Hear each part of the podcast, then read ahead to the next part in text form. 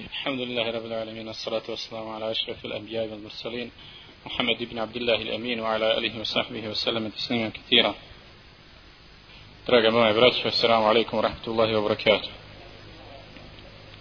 Poseban selam našoj braći, gostima iz Švedske, koji su podoprili ovaj prvi stup ovdje drže ga. Tako od vas, braći, koji ima vremena iza jacije, odnosno iza dersa, radi upoznavanja i sjela sa situacijom u Švedskoj i široj južoj okolini. Barek Allah fikum. Večeras, inša Allah, onako posmatrajući dakle koliko su kuranski tekstovi zauzeti određenim temama i koliko u određenim temama ima davetske koristi i štete i koliko su u datom trenutku bitne da se o njima govori uz Allahovu pomoć dakle na taj način i biramo ono o čemu ćemo govoriti. Svakako kada čitate Kur'an vidjet ćete da nema ni jedne stranice ni jedne kuranske stranice na kojoj nije spomenuta Allahova kazna. Je tako? Zato smo nekoliko puta uzastopno govorili o džahannamu o vatri o ahiretskoj kazni koju Allah subhanahu wa ta'ala priprema i kojom prijeti i zastrašuje oni koji u tu vatru i u tu kaznu vjeruju međutim isto tako ne treba u tome pretjerati pa izgubiti nadu u Allahovu milost. Znači akida ehlu sunata vol džemata je da žive u između straha i nade. Znači da obožavaju Allaha subhanahu wa ta'ala u strahu i nadi. I nadi. Zato pogledat ćete isto tako kako se na svakoj stranici spominje Allahova kazna ili gdje se čitav broj ajeta bavi kaznom opisom kazne. Spominje se prokleto drvo, šađaratu za kum, njegovi plodovi i tako dalje, odmah iza toga obavezno slijedi iza tih ajeta obavezno slijedi slijede i ajeti koji govore onda o pokornim Allahovim robovima, o njihovoj nagradi, o dženeckim uživanjima, o dženeckim blagodatima, o Allahovoj milosti i Allahovoj dobroti koji je pripremio i blagodatima koje je pripremio za svoje pokorne robe. Ako pogledamo kuranske sure, vidjet ćemo da se rijetko koja od njih ne bavi jednim pitanjem, a to je pitanje Ehlul Kitaba, onima kojima je data knjiga prije nas, a to su židovi i kršćani. Ovdje pogotovo još se više spominju, dakle i više se misli na židove, židove, tako ćete vidjeti recimo da najveća sura u Koranu, suratul Bakara, skoro trećinu sure, skoro trećinu sure, koranske ajete te sure, su usmjereni ka židovima, govori o židovima, o njihovim osobinama, o onome šta su oni radili i tako dalje. Obzirom da se umet nalazi u vrlo teškoj situaciji da prolazi već duže vrijeme kroz teška iskušenja. Kroz teška iskušenja i teška stanja.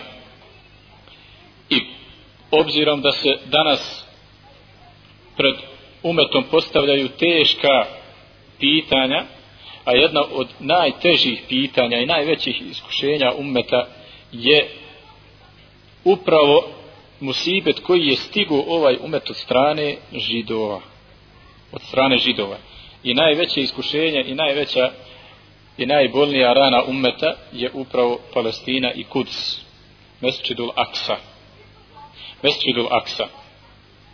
Kad posmatramo kao vjernici sve naše probleme u životu mi polazimo u procjeni tih problema i u definisanju tih problema mi polazimo sa stanovišta Kur'ana i Sunneta.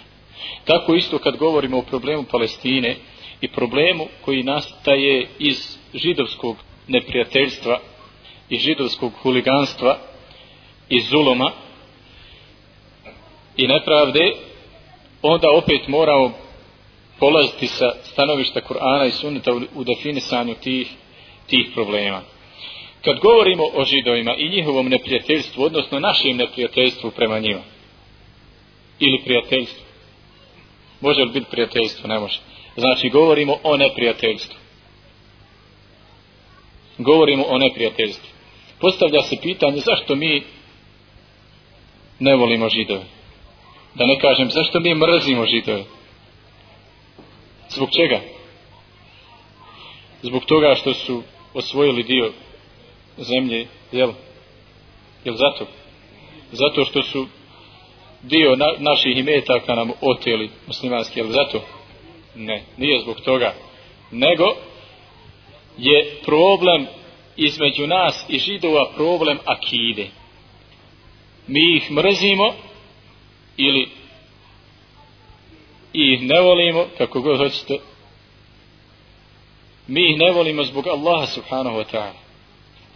Prije svega zbog Allaha subhanahu wa ta'ala. Zašto? Kako zbog Allaha subhanahu wa ta'ala? Zato što nam Kur'an, rekli smo da sa stanovišta Kur'ana polazimo u procjene naših problema. Kad imamo ispred sebe neprijatelja, onda da vidimo šta Kur'an o njem kaže. Kaže nam Kur'an, kaže nam Allah subhanahu wa ta'ala da su židovi bili drski i neodgojeni i nevaspitani u svom odnosu prema Allahu subhanahu wa ta'ala. I zbog toga su i zaslužili Allahovo prokledstvo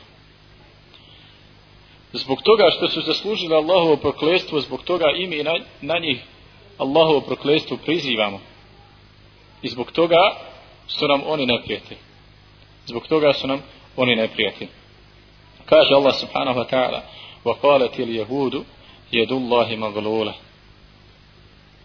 kažu židovi Allahova ruka je stisnuta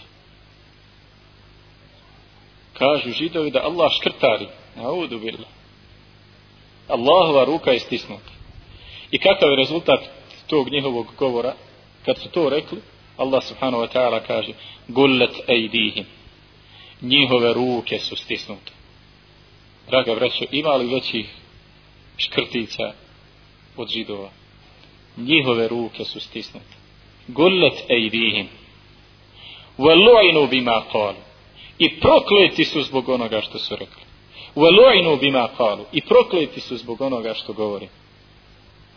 Bel jedahu mebsupatani yunfiku kejfe ješa. Nije nego su njegove ruke, Allahove ruke pružene. I on dijeli i udjeljuje kako kako hoće. Dakle to je jedan primjer. Drugi primjer kažu židovi kaže Allah subhanahu wa ta'ala da su rekli لقد سمع الله قول الذين قالوا إن الله فقير. أعوذ بالله. الله يشوء أني كي سرك الله يفكر الله يفقير. إذا الله سرك لدي فقير إن الله فقير ونحن أغنياء. أمي اسمه بغت سنكتب ما قالوا وقتلهم الأنبياء بغير حق. ونقول ذوقوا عذاب الحريق. zapisat ćemo ono što govori, bit će zapisano ono što su rekli i ono što su bez ikakvog prava i razloga poslanike Allahove ubijali, vjerovjesnike ubijali i bit će im rečeno u onakulu i reći ćemo im dhuku azab al harik osjetite sad patnju u ognju. To je predstava židova. Allah subhanahu wa ta'ala ih predstavlja kroz njihove stavove kroz njihovo razmišljanje i kroz njihov govor zatim وقالت اليهود عزير ابن الله rekli su židovi da je Uzeir Allahov sin znači širk isti onaj koji su učinili i Nasara, odnosno kršćan. Zatim, Allah subhanahu wa ta'ala na više mjesta uzvraća na ovu njihovu riječ i na riječ kršćana u pripisivanju Allahu subhanahu wa ta'ala sina i druga. Allah subhanahu wa ta'ala kaže lahu mulku samavati wal arti wa ma bejnahuma ولم يتخذ ولدا ولم يكن له شريك في الملك وخلق كل شيء فقدره تقديرا الله سبحانه وتعالى pripada vlast i na nebesima i na zemlji i nije uzeo ولم يتخذ ولدا i nije uzeo sebi dijete ولم يكن له شريك في الملك i niko sa njim ne učestvuje u vlasti on nema šerika zato oni koji pripisuju Allahu druga šta od šerik znači pripisuju mu saučesnika, sudruga, da još neko sa njim učestvuje u toj vlasti. A Allah subhanahu wa ta'ala volem jeku, kaže volem jekun lehu šerikun fil mulk. Allah nema nikoga da sa njim učestvuje u vlasti. On sam apsolutno vlada. Wa khalaqa kulle še'in fa. I sve je stvorio i kader mu odredio. I mjeru, i mjeru mu odredio. Kader mu propisao. Vidjet ćemo, draga braćo, pravi židovski dalalet i pravo njihovo lice i pravi naš razlog našeg neprijateljstva prema njima kroz njihove riječi osim ovoga što ih Kur'an opisuje kroz njihove riječi u njihovim knjigama. U njihovim knjigama koje oni smatraju svetim. Vi znate za Talmud. Šta je Talmud? Židovska knjiga. Kakva je to knjiga? Talmud su spisi koje su napisali židovski svećenici. Smatra se nešto kao komentar Tevrata. Kao komentar Teurata. Međutim, vidjet ćemo kako oni komentarišu Tevrata. U stvari je Talmud, dakle, skup ili zbirka tih spisa njihovih svećenika, svećenika i oni to smatraju zakonom i zakonikom i uglavnom smatraju ih svetim, svetim spisima. Šta stoji u tim svetim spisima? U tim njihovim svetim, pod navodnim znacima spisima, stoji i Allah pripisuju, a Allah je visoko iznad onoga što mu oni pripisuju, i da je Allah subhanahu wa ta'ala, dakle, sklon raznim slabostima. Čak da je nekad zbunjen, a'udhu billah, čak nisu Allaha subhanahu wa ta'ala uzdigli toliko da je zaštićen, odnosno da pripisujemo čak u nekim slučajevima i laž. A'udu bih. Dakle, to je, to je pravo lice židovsko. Kaže u njihovim tim talmudima, između ostalog, kaže njihovim tim hahamatima, odnosno njihovim svećenicima, i monasima je dakle pripada vlast iznad Allaha subhanahu wa ta'ala više vlast imaju nego sam Allah subhanahu wa ta'ala i Allahu je obaveza da ispuni ono što oni žele Allahu je obaveza da ispune ono što njihovi monasi žele zatim dakle ovo sad što čitam braćo ovo je nešto što zdrav razum ne može prihvatiti. Ovo je nešto što objašnjava, što nam objašnjava do koje mjere su ti ljudi zalutali. I ovo je nešto od čega se insanu ježi kosa na glavi od same pomisli da tako nešto pomisli, a kamoli kaže. A kamoli poslije toga napiše. A kamoli da poslije toga to proglasi svetinjom i vjerom. Znači da nam bude jasno sa, sa kim imamo posla. Kažu na drugom mjestu da Allah subhanahu wa ta'ala svakog dana provodi tri sata igrajući se sa kako se ovdje izrazili kraljem ili vladarem riba. Neka glupost. Nisam uspio naći zašto i na što se tačno ovo misli.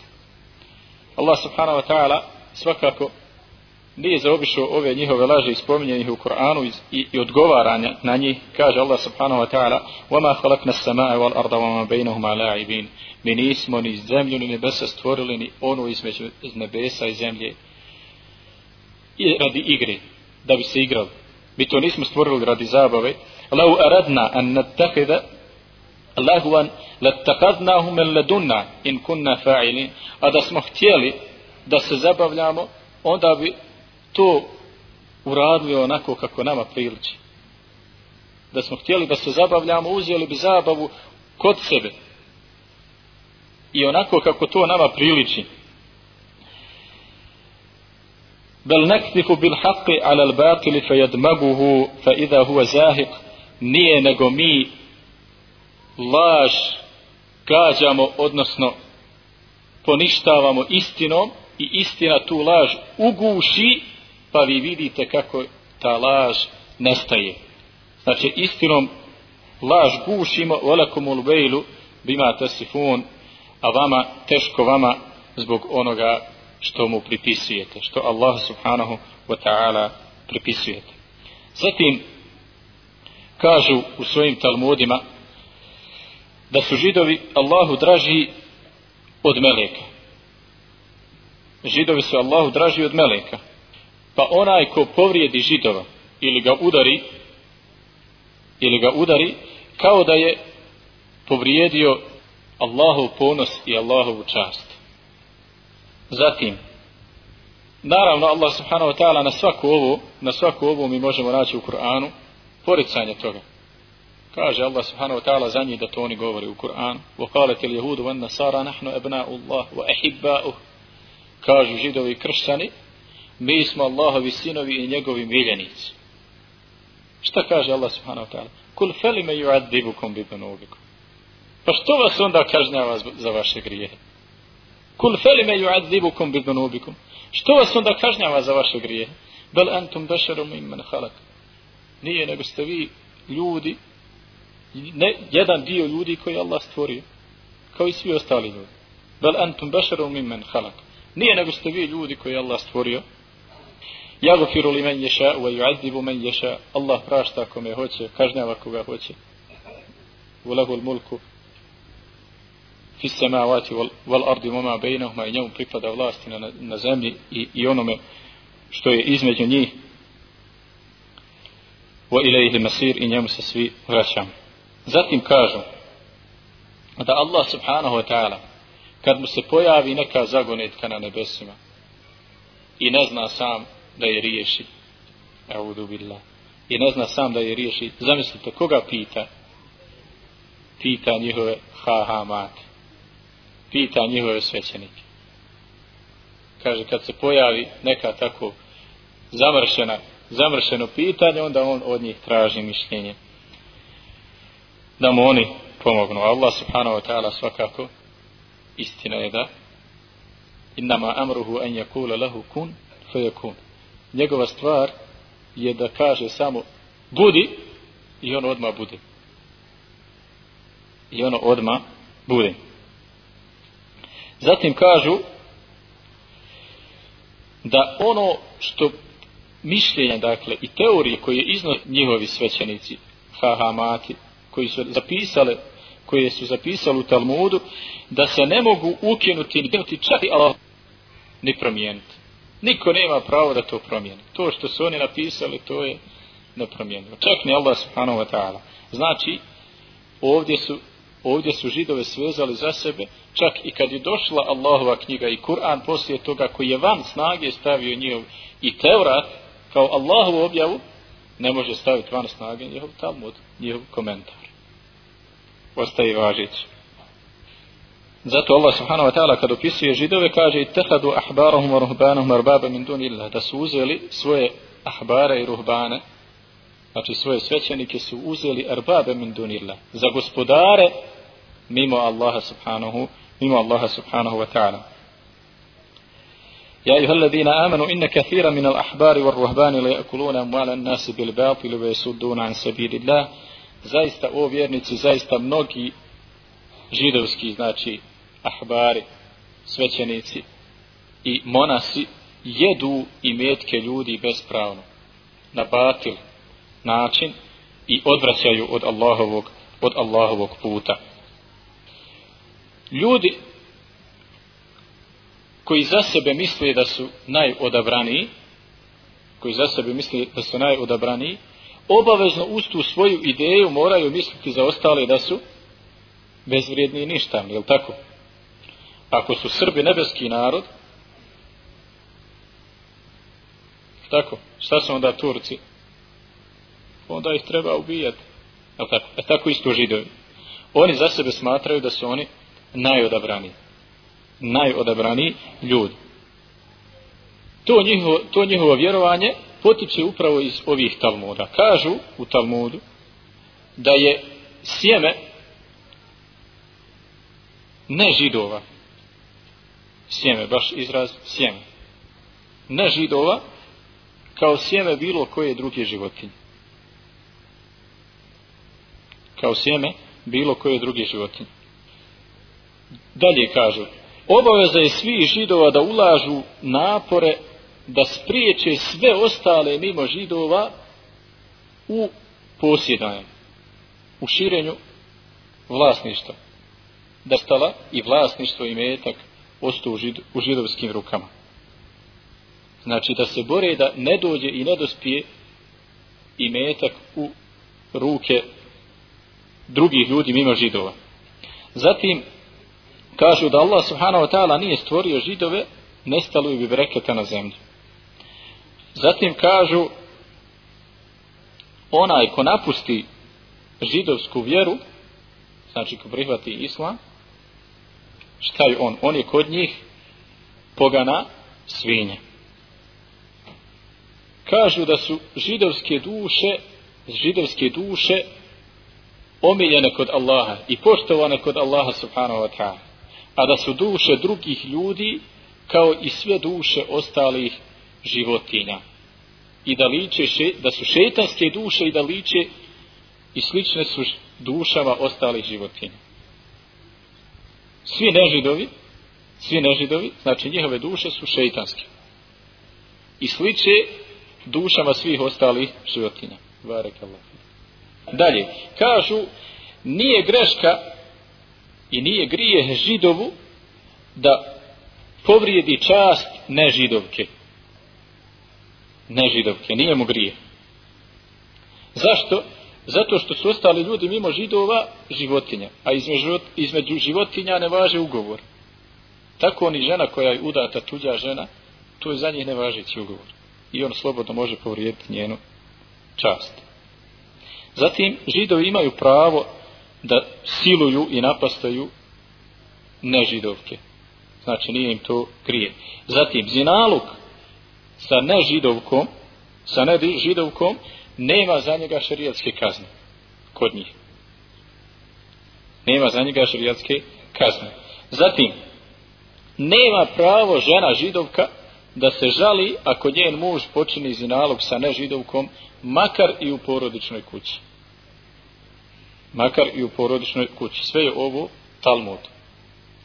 Sve je ovo Talmud. Sveti tekst. Nepovredivi tekst nema ga pravo niko promijeniti. Čak ni Allahovom narodom. Zatim dakle to je otprilike ono što se tiče njih i njihovog odnosa sa, sa nežidovim svakako da to nije za nas čudno. Nije za nas čudno jer Allah subhanahu wa ta'ala kad govori o njima kaže da među njima ima onih koji će ispuniti svoje dakle emanat, a ima i onih koji neće ispuniti kad bi im dao makar dinar jedan. Zašto? Zalike bi annahum qalu lejsa alejna fil ummiyina sabil. Zato što oni kažu nemamo mi nikakve obaveze, dakle nema i nikakvih zakonskih prava kod nas ummiyun. Ko su ummiyun? Lejsa alejna fil ummiyina sabil. Ko su ummiyun? Ummiyun su nepismeni ko su za njih nepismeni? Svi ostali mimo židova a u pr na prvom mjestu na prvom mjestu Arapi i muslimani. Zašto? zato što je Muhammed sallahu alaihi ve sellem nebij umij nepismeni poslanik.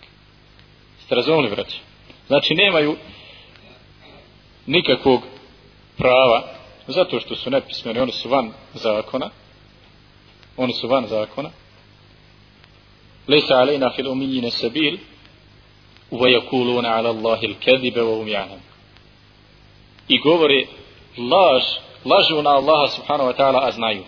Znaju da nije tako. Da im Allah subhanahu wa ta'ala nije tako propisao. Lažu na Allaha, a znaju. Zatim njihovo vjerovanje, njihovo vjerovanje o šta će biti sa židovima na ahiretu. A šta će biti sa ostalim? Kroz Talmud svakako u poređenju sa onim što kaže Kur'an o tome. Oni svakako kažu da je džennet i sva blagodati koje Allah subhanahu wa ta'ala stvorio na, na ahiretu, to je specijalno za njih. Specijalno za njih.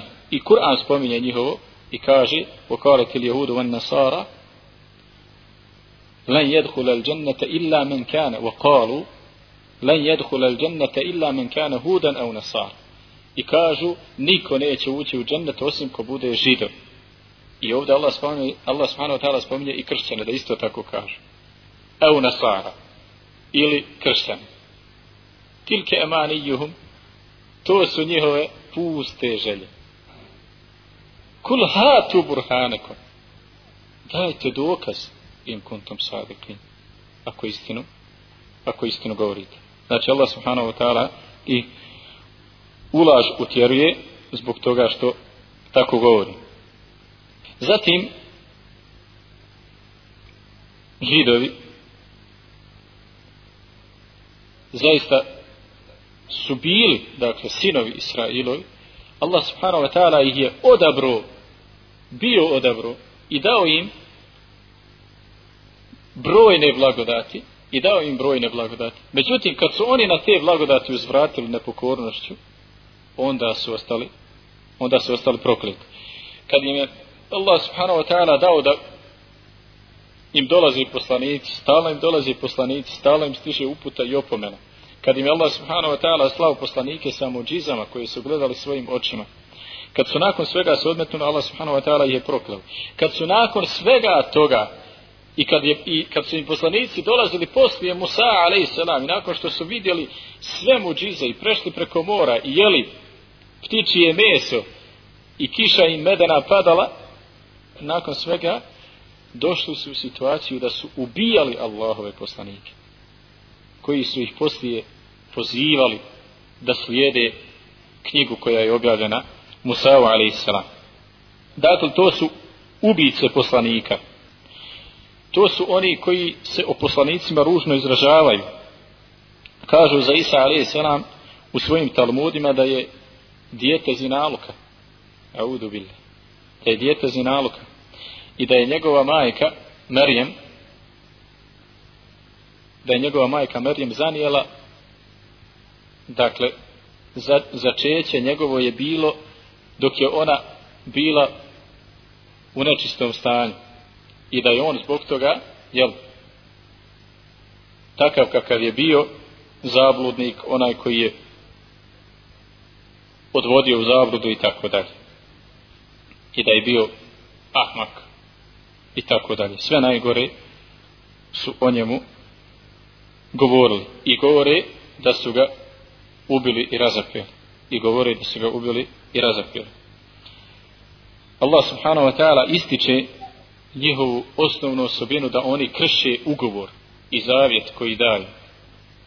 Pa kaže, fa bima naqdihim mi thaqahum وكفرهم بآيات الله وقتلهم الأنبياء sve spominje njihove osobine i zbog njihovog kršenja zavjeta koji su dali i nevjerovanja u Allahove ajete u Allahove znakove wa qatlihim al-anbiya i zbog toga što su ubijali poslanike bi gajri hak wa qawlihim kulubuna gulf. I što govore naša srca su otvrdla. Bel taba Allahu alejha bi kufrihim fela yu'minuna illa qalila. Nije nego je njihova srca Allah zapečatio zbog toga što su nevjerovali što nisu vjerovali. I neće pa od njih nije ni ostalo nego mali broj da, da vjeruje. وبكفرهم وقولهم على مريم بهتانا عظيما zbog njihovog kufra i ogromne potvore koju iznose na Merjem i protiv Merjema وقولهم إنا قتلنا المسيح عيسى ابن مريم i zbog njih onoga što kažu mi smo ubili Isaa sina Merjemenog Rasul Allah Allahovog poslanika dakle ističu i znaju da je Allahov poslanik ali da su ga oni ubili Inna qatalna qatalna al-Masiha Isa ibn Maryama Rasul Allah وما قتلوه وما صلبوه nisu ga ni ubili ni razapeli walakin šubbiha lahum njima je se samo pričinilo njima je se samo pričinilo وإن الذين اختلفوا فيه لفي شك منه ما لهم به من علم إلا اتباع ظن zaista oni koji se oko toga razilaze I oni se sami razilaze, jesu li ga ubili, nisu li ga ubili, šta su uradili. Nemaju nikakvog znanja od toga osim što nagađaju. I oni samo nagađaju. Ništa zasigurno znaju. Ne znaju. Uama kataluhu jakina, a sigurno ga nisu, a sigurno ga nisu ubili. Zatim, kakav je njihov odnos prema poslaniku Muhammedu sallahu alaihi wa sallam? Kažu, Isa sin Merjemin je lažov. Ako je Muhammed sallallahu alaihi wasallam priznu Isa, priznu lažova, onda je i on lažov kao i on. Ste razumeli? Znači, po njima je poslanik sallallahu alaihi wasallam Muhammed priznavajući Isa alaihi sallam priznao lažova a onaj ko prizna lažova i povjeruje lažovu i sam je i sam je lažov. Dakle, to je njihov odnos prema Muhammeda sallahu alaihi wa sallam. Kažu, mi smo htjeli da ubijemo i ubili smo onog prvog lažova, Isa alaihi sallam, zato je naša obaveza da ubijemo i Muhammeda. Da ubijemo i Muhammeda sallahu alaihi wa sallam. I zbog toga su i njihovi pokušaji ubijstva Muhammeda sallallahu alaihi wa sallam. I mnoge druge i mnoge druge stvari. Ima čak knjiga, čitava knjiga koja se zove Sramote Talmuda ili Bruka Talmuda na arapskom jeziku u kojoj je jedan od od učenjaka skupio sve ove bisere čitava knjiga o, o Talmudima. Kažu danas, židovi današnji, šta kažu? Kažu da se Allah subhanahu wa ta'ala kaje što je stvorio palestinci. Allah subhanahu wa ta'ala se kaje što je stvorio palestinci. Zatim su u više navrata, dakle, radili nešto što čiji je cilj, dakle, da, da krajnje izazovu, izazovu gnjev muslimana. Zamotali su jednom prilikom svinsku glavu u listove od mushafa. U listove od mushafa i napisali sa, na tim listovima Muhammed i ubacili su to u mesčidu Laksa.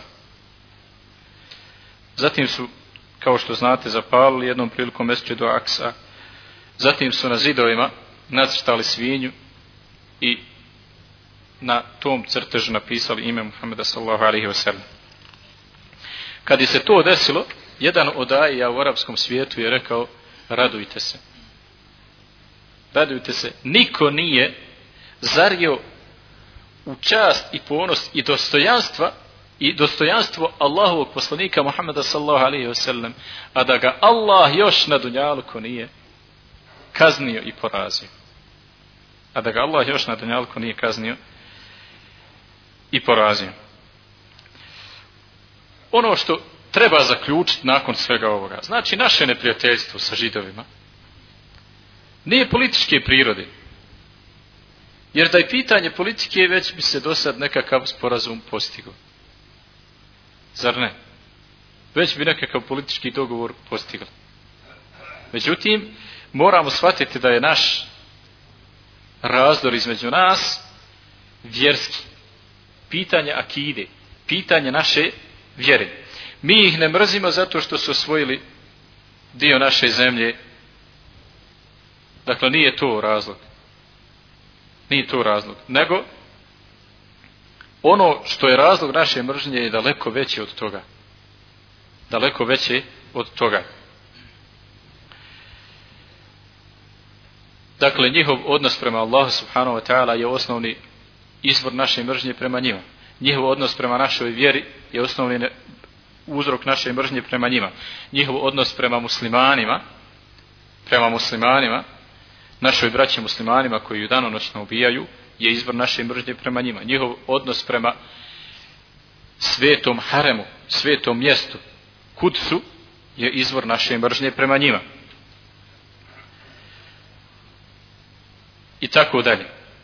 Ono što se događa svakako u Palestini ne smije ostati nezapamćeno i ne smije ostati i proći mimo nas, da mi to ne, zapažamo i ne pratimo i ne pamtimo i da tome ne podučavamo svoju djecu i da im ne prenosimo.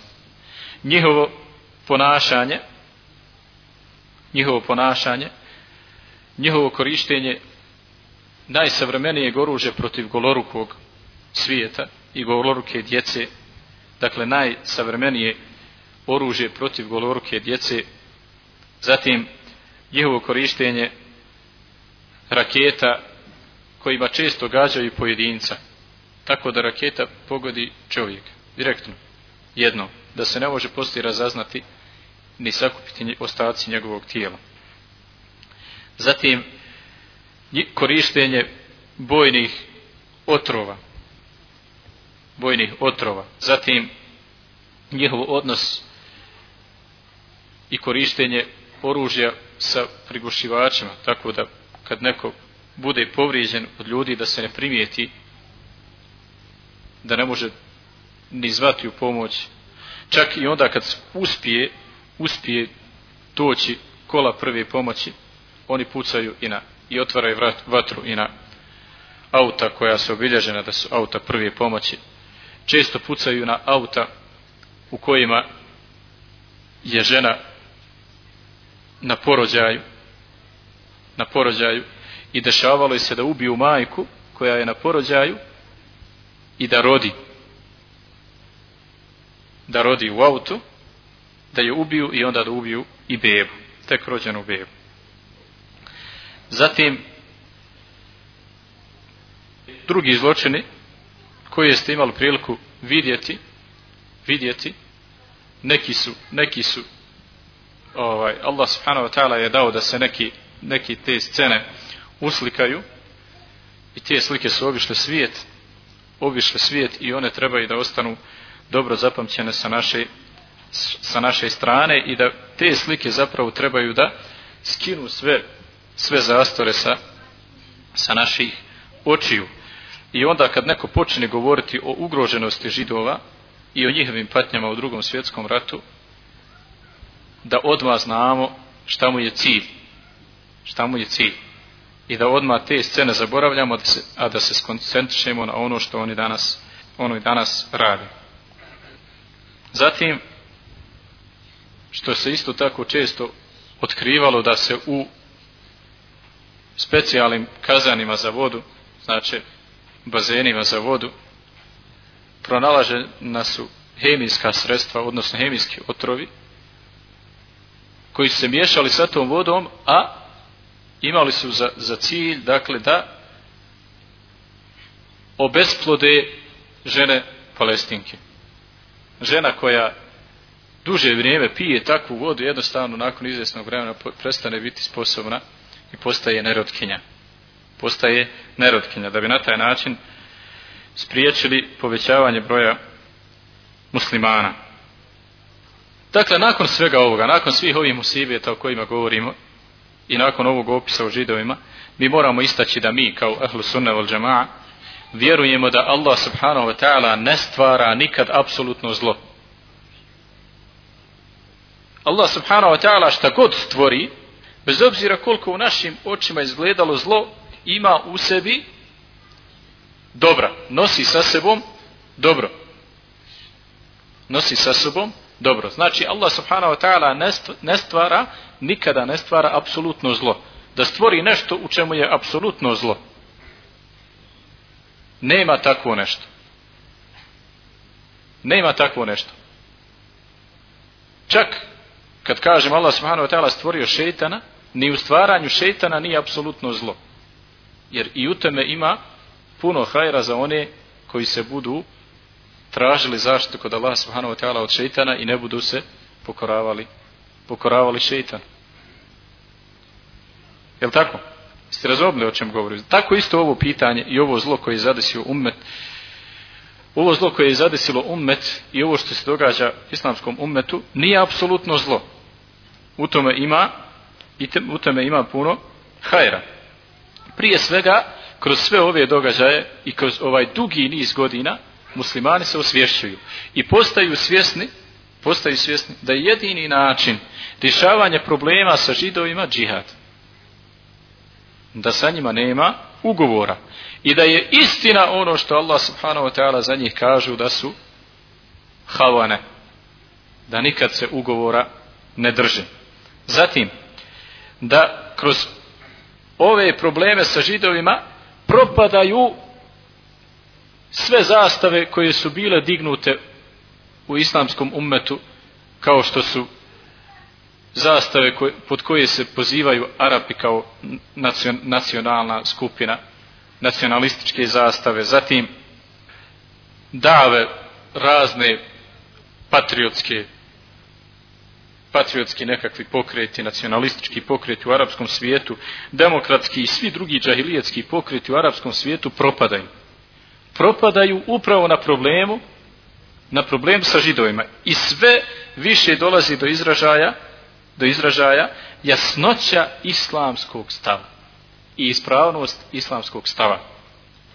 I jasnoća islamske islamske dave u poređenju sa, sa ostalim.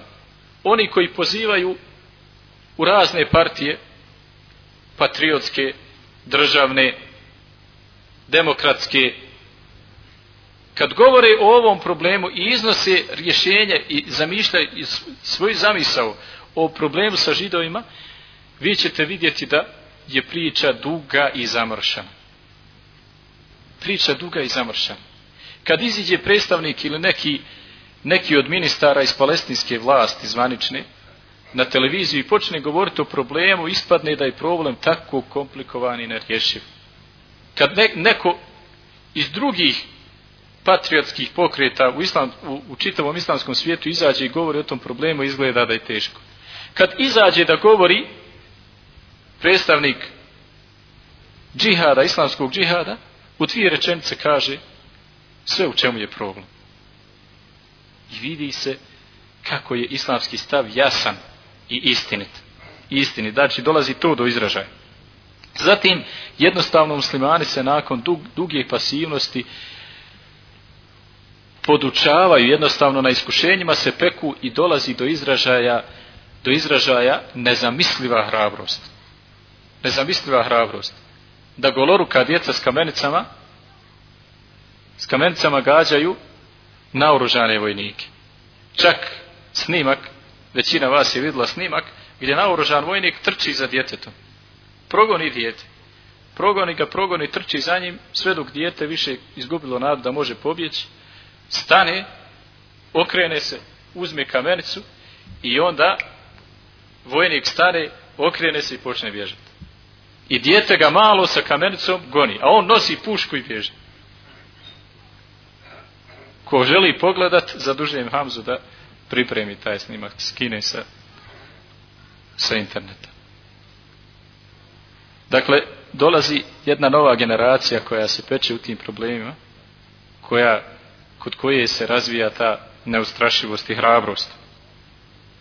Zatim, polako umet sazrijeva, onako kako poslanik sallahu alaihi wasallam upisuje mu'mine, da su metalul mu'minine fi tawaddihim, wa ta'atufihim wa tarahumihim ke metal jesedin wahid idha šteka minhu udvun tada'a sairu jesedi bil huma wa له tada'a الجسد بالحمى والسحر bil huma wa znači da su vjernici, da je primjer vjernika kao u njihovoj međusobnoj ljubavi i međusobnom saosjećanju i samilosti kao primjer jednog tijela.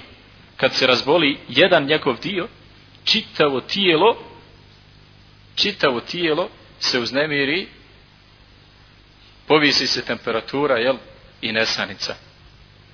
I na taj način izražava i ostalo tijelo i ostalo tijelo osjeća tu bol sa njim. Ovo, ova zajednička bol se ispoljava na razne načine, na razne načine i ona je vidljiva i ona je vidljiva i sve više vidimo zabrinutost muslimana, čak i onih na kojima se, na kojima se svana ne može primijetiti njihova privrženost vjeri, čak i oni sve češće na svojim svakodnevnim sjelima razgovaraju i raspravljaju o problemu muslimana muslimana u Palestini. Ono što najviše zabrinjava židova je upravo ta jasnost islamskog stava. I to ih najviše je zijeti. Zato kad su čuli onu poznatu kasidu Hajber, Hajber, ja Jehud. Džeš Muhammed Seufe Jehud. Hajber, Hajber, o židovi, vojska Muhammedova će se vratiti. Piše jedan od njihovih, kaže, znate li vi šta to znači? Vi pojma nemate u kakvu smo se mi situaciju doveli. Kaže, nemojte misli da, on, da onaj koji ovo rekao, da misli da će doći Muhammedova vojska iz Gaze, iz, sa zapadne obale. Ne, nego će vam doći Muhammedova vojska sa svih strana svijeta. Jer je to sve Muhammedova vojska. Dakle, taj islamski stav da problem Kudsa i Palestine nije problem palestinaca nego ummeta je najveća i najbolnija tačka za židove. I zato oni uporno žele da to odbace i spriječi sve oni koji o tome govore na taj način, a žele da predstavi da to bude problem između njih i palestinaca, pa će oni to onda lako, a neće ni tad lako riješiti. Zatim, sve su slabiji i sve manje izvjesni i sve manje odjeka imaju oni koji pozivaju miru sa židovima. I više niko ne vjeruje u taj mir. Osim možda Mahmud Abbas. Jer on želi da potpiše sa njima nešto. Ali niko više od palestinaca u njihovom javnom mijenju ne vjeruje u taj ugovor. I u mir sa židovima. Niko. Niko. Znači neprihvatljiv. Taj mir postaje neprihvatljiv kod, kod muslimana i to je jedna velika korist. To je jedno veliko i ogromno otrežnjenje. Ogromno otrežnjenje. Dakle, bez obzira na sve, još moramo napomenuti nakon svega ovoga, kad se govori o ovim događajima, o židovima, prije svega se može dugo govoriti. I mi ćemo, inša Allah, u narednom periodu pokušati govoriti o njihovim osnovnim osabinama, njihovim osnovnim osobinama, da bi se tih osobina njihovih sačuvali i nastaviti govoriti o putu kojim su oni skrenuli, da i, i porediti ga sa putevima onih koji su danas u islamskom umetu skrenuli i vidjeti da je to isti, isti put. I da mi praktično, zašto Kur'an toliko govori o židovima? Kur'an, Allah subhanahu wa ta'ala nam iznosi živi primjer, iznosi nam tuđe iskustvo kako su prije ljudi zalutali, pa nemojte vi tako zalutati. I pored toga vidjet ćete da su, da je veliki dio ovog ummeta na isti način skrenuo sa pravog puta, putem, na istim metodom i isti način na koji se, na koji se to dogodilo kod židova. Ovdje napomenjamo dakle da bez obzira na sve ovo, mi moramo znati da ono što nas je zadesilo, što zadešava ovaj umet, da je to plod, plod naših ruku. Da je to plod našeg odnosa prema Allah subhanahu wa ta'ala. Ne bi Allah nepravedno doveo židove u Palestinu da ugnjetavaju muslimani. Ne, muslimani su to svojim odnosom prema Allah subhanahu wa ta'ala i svojim ostavljanjem i napuštanjem vjere i svojom vjerom u razne druge nacionalističke, komunističke i druge ideje su navukli Allahu Allahu srđbu na sebe pa je Allah subhanahu wa ta'ala to dao. Isto tako kad to znamo onda trebamo znati da se neće stanje ni promijeniti sve dok se umet ne promijeni. Tako da su najopasniji za ovaj umet oni koji se uporno trude da se ništa ne promijeni. Da sačuvaju stanje kako jeste oni kojima paše trenutno stanje, oni su opasni za ovaj umet. Jer umet je ovako kako jest zato što je takav i mora se mijenjati. Svi oni koji su protiv tih promjena i usporavaju, usporavaju ih i pojavljuju se kao kamen spoticanja na putu tih promjena, zapravo su, dakle, doprinose da se ove patnje umeta produžavaju. Allah subhanahu wa ta'ala kaže inna Allahe la yughayyiru ma bi qavmin hatta yughayyiru ma bi anfusihim. Allah subhanahu wa ta'ala neće promijeniti stanje jednog naroda sve dok se on ne promijeni. Sve dok se on ne promijeni. Hoćemo da se ne događa ovo što se događa moramo se promijeniti. Hoćemo da nas opet četnici za koju godinu nekolju, moramo se promijeniti. Hoćemo mi da se vratimo u Beograd i da sagradimo 400 umjesto onih 200 koje su bile džamija, moramo se promijeniti. Jer oni koji su napravili onih 200 džamija u Beogradu, nisu bili kao oni koji su protjerani iz Beograda nad čijim glavama su srušene te džamije. Te dvije generacije sigurno nisu bili iste. Možete li zamisliti tu razliku? Oni koji su došli u Beograd i podigli 200 džamija, nisu isti kao oni muslimani koji su poniženi protjerani iz Beograda. E oni koji hoće sad da dođu u Beograd i da dignu 200 džamija ponovo, ne mogu biti ovakvi kakvi jesu. Moraju se mijenjati. Moraju se mijenjati. Ummet se mora, mora mijenjati. Isto tako i blagodati. Allah subhanahu wa ta'ala ni blagodati neće koje je dao promijeniti sve dok se oni kojima je ta blagodat data ne promijene. Znači ne pokvari. Znači ne pokvari. Isto tako moramo imati na umu da pomoć dolazi od Allaha subhanahu wa ta'ala. I da ne očekujemo da će Allah subhanahu wa ta'ala dati pomoć preko ujedinjenih nacija, preko snaga mira i tako dalje. Ne. Allah subhanahu wa ta'ala neće, jedan od osnovnih šartova Allahove pomoći je da se samo od njega traži. Znači da se samo od njega traži. I da bude teuhid osnova traženja te pomoći. Da bude teuhid, Allahovo jedinstvo, vjerovanje u Allahovo jedinstvo i u Allahovu svemoć, osnova traženja te pomoći. Znači, ne smije se pomiješati zastava Islama i stat uz nju još nekakva druga. Ne, samo zastava la ilaha illa mora sama biti, pa će onda stići Allahova, stići Allahova pomoć. Kako kaže Allah subhanahu wa ta'ala, li jehleke men heleke an bejine, wa jahja men hajje an bejine. Pa onda, nek propane ko će propast i nek poživi ko će poživjet, jasno znači. Nek bude jasna stvar. Što mi kažemo u našem jeziku, evo, pa kom opanci, a kom obojci. Znači da bude čista i jasna situacija. Čista i jasna situacija. A mu'min nikad nije gubitnik. Mu'min nikad nije gubitnik. Ili šehadet, ili pobjeda. Nema treće mogućnosti. Nema treće mogućnosti. Dok je mu'min jedino je gubitnik kad traži pomoć od ujedinjenih nacija. Isto tako treba napomenuti kad se govori o ovim problemima da mi zaostajemo u jednom od vađiva od vađiva gdje čime nas je Allah subhanahu wa ta'ala obavezu a to je Allahu naredba kaže Allah subhanahu wa ta'ala wa a'iddu lahum mastata'tum min kuvatin wa min ribatil khair i pripremite protiv njih koliko god možete snage i konjice. Znači, zaostajemo u svijesti o potrebi pripremanja. Wa a'iddu lahum mastata'tu min وَمِنْ wa min al-khayr. I pripremite protiv njih koliko god možete snage. I konjice. Nije Allah subhanahu wa ta'ala rekao, morate protiv njih imati atomsku bombu. Nije nego koliko možete. Koliko možete snage, toliko pripremite. I konjice. Zašta? Turhibune bihi adu vallahi.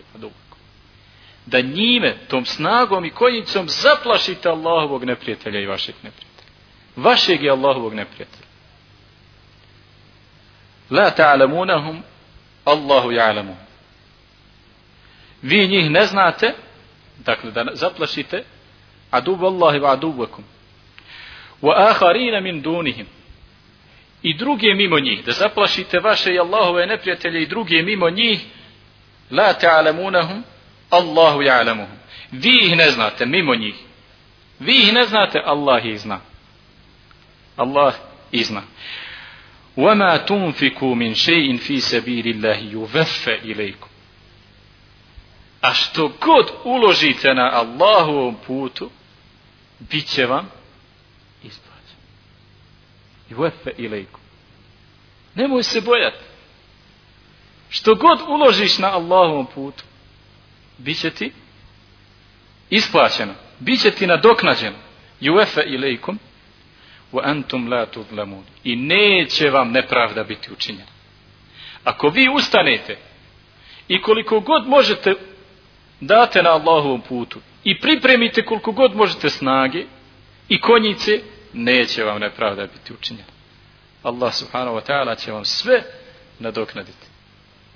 Sve nadoknaditi. Zapravo kad ulažemo, ulažemo sebi. Ulažemo sebi. Zato nas Allah subhanahu wa ta'ala doziva da se odazovemo Allahu i poslaniku kad nas poziva onome što će nam život obezbijediti. A to je upravo džihad na Allahovom, na Allahovom putu. Na kraju, ovo vrijeme do jacije, inša Allah, ostavljamo za, ako ima pitanja, za zikr, da se promijeni abdest, da se malo osvježite.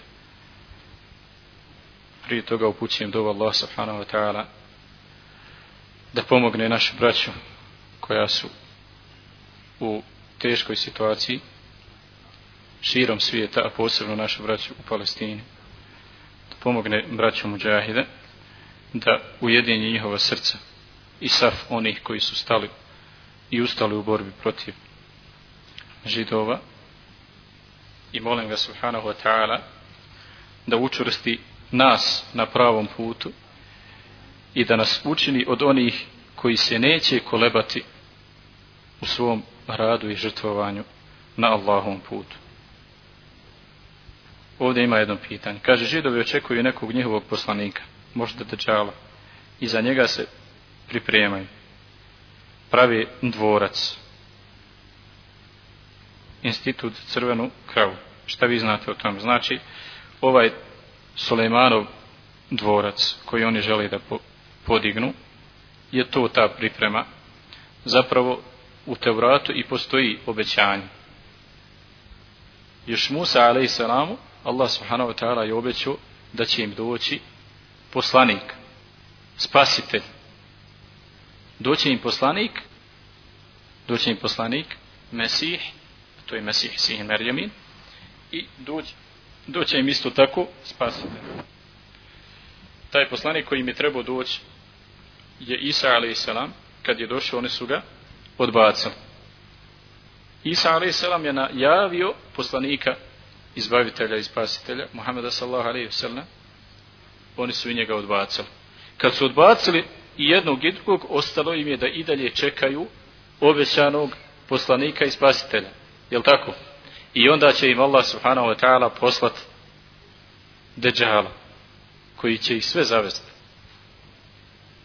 sa pravog puta. I onako, dakle, kad su odbili Allahovu uputu, onda će im Allah dati ono što hoće, ono što čekaju. Evo vam sad, evo vam sad dežal. To je ono što ukratko se može o tome reći. Svakako oni imaju i e, ovo vezano za crvenu kravu, dugu jednu ovaj, priču o toj crvenoj kravi koja treba tek da se rodi, onda oni nagađaju jel se rodila, nije se rodila, pogađaju, eno je u Londonu, kaže, priprema se, raste, ali ta u Londonu izgleda oboljela od ludila tako dalje.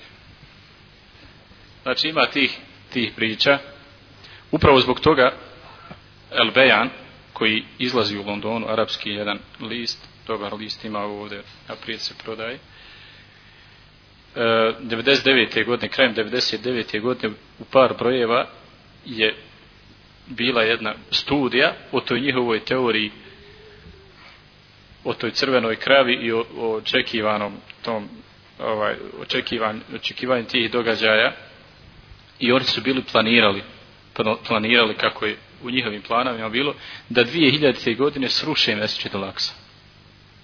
Zato su dotad već bili iskopali mnogo tunela ispod njega i očekivali dakle da, da i bili se pripremali da sruše Mesečit Laksa nisu dakle ispunili taj taj plan u roku za, za taj Sulejmanov dvorac oni su već pripremili kamenje.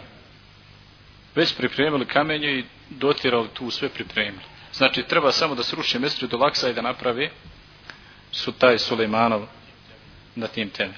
Već su pripremili kamenje. Znači, to je trebalo da bude 2000. godine. Nisu ispunili u tom roku. I onaj ulazak, kako se sjećate, ovaj ulazak šarova u mjeseči do Laksa pod pratnjom, je praktično bio na neki način mjerenje pulsa kod muslimana.